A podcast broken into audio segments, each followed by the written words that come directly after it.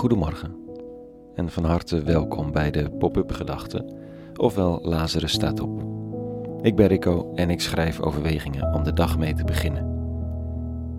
Tussen 6 en 7 ochtends, associatief, reagerend op de woorden die deze ochtend in de kerken gelezen zullen worden, op zoek naar verbinding met vandaag. Een huis voor de ziel. Pop-up gedachte donderdag 23 september 2021.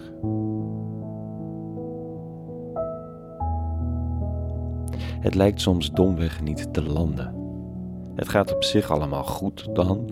De huur kan worden betaald, steeds uitzonderlijker. De energierekening gaat weliswaar omhoog qua kosten, maar daar vloeit voor je gevoel geen bloed uit op zich. De kinderen doen het goed of je bent best wel tevreden met je leuke huisje in waar dan ook. Je baas is tevreden, je scharrelt en je deed wat en het is gezellig. Maar de onrust is standaard onderdeel van je leven. Het lijkt niet te landen in je ziel. Je doet nog rustiger aan of je werkt juist harder. Misschien heb je nog een extra vakantie nodig of een extra project. Misschien moet je eens iets leuks kopen voor jezelf. Naar de sauna, naar de kapper, naar de psycholoog, you name it. Soms helpt het. Soms helemaal niet. Ik lees vandaag hoe een van de profetenleiders in een tijd ver voor Christus het volk van Israël toespreekt. Ze zijn bezig het land weer op te bouwen, waar ze lang geleden uit zijn weggevoerd. Nu begint hun leven weer. Het loopt allemaal aardig en het is bijzonder dat ze weer op eigen bodem zijn, maar er mist ook iets. De profeet Haggai zegt vanochtend: Welke weg zijn jullie ingeslagen? Denk toch na. Jullie hebben veel gezaaid, maar weinig oogst. Jullie eten, maar raken nooit verzadigd. Jullie drinken, maar nooit is het genoeg. Jullie kleden je, maar krijgen het nooit warm. De dagloner krijgt zijn geld, maar het verdwijnt in een beurs vol gaten. Dit zegt de Heer van de hemelse machten: welke weg zijn jullie eigenlijk ingeslagen? Goeie vraag, Aggie. Ook een beetje retorisch, dus waarschijnlijk heb je iets te vertellen of aan het licht te brengen. Maar eerst even naar deze mooie, pijnlijke opsomming kijken. Je zaait, maar oogst weinig. Je eet, maar het verzadigt niet. Je drinkt, maar tevredenheid is ver te zoeken. Je geld glipt je door de vingers. Het is een best pijnlijk herkenbare onrust van periodes in je leven waar je geen grip meer op de werkelijkheid lijkt te hebben. Haggai wijst naar een oorzaak.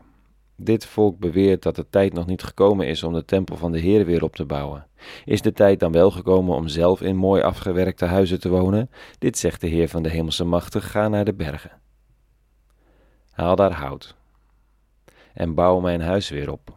Met vreugde zal ik het aanvaarden en mij in al mijn luister tonen, zegt de eeuwige. Dit is vast een tekst die met zwier is aangewend in de kerkelijke traditie om de prachtigste kerkgebouwen neer te zetten. Je kunt op allerlei manieren gebruik en misbruik maken van zo'n tekst. Voor vandaag dacht ik dit. Als ik in mijn leven geen huis bouw voor mijn ziel, is het bijzonder moeilijk om dat wat er verder in het leven gebeurt, goed of minder goed, te laten landen. Als de ziel geen plek heeft om te rusten, hoe landt de tevredenheid of de rust dan? Die extra vakantie, dat dagje sauna, die nieuwe kleren of nog harder werken, helpt lang niet altijd om het zand dat door je vingers glipt vast te houden. Daarvoor is een kern nodig, een plek voor je ziel om te rusten.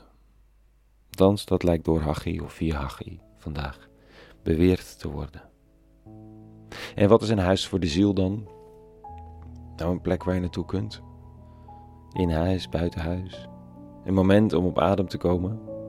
Wat doe je in het huis voor de ziel? Verbinding zoeken met de stem die roept. Waartoe ben ik op aarde en waar ben ik dankbaar voor en verdrietig over? Kijken in de spiegel van de eeuwige. Misschien is dat huis een fysieke plek, misschien is het een serie handelingen. Meestal is het een plek waar ook verbinding met anderen plaatsvindt. En dat kan op allerlei manieren. Zoals een podcast de wereld inslingeren en er af en toe iets over terug horen.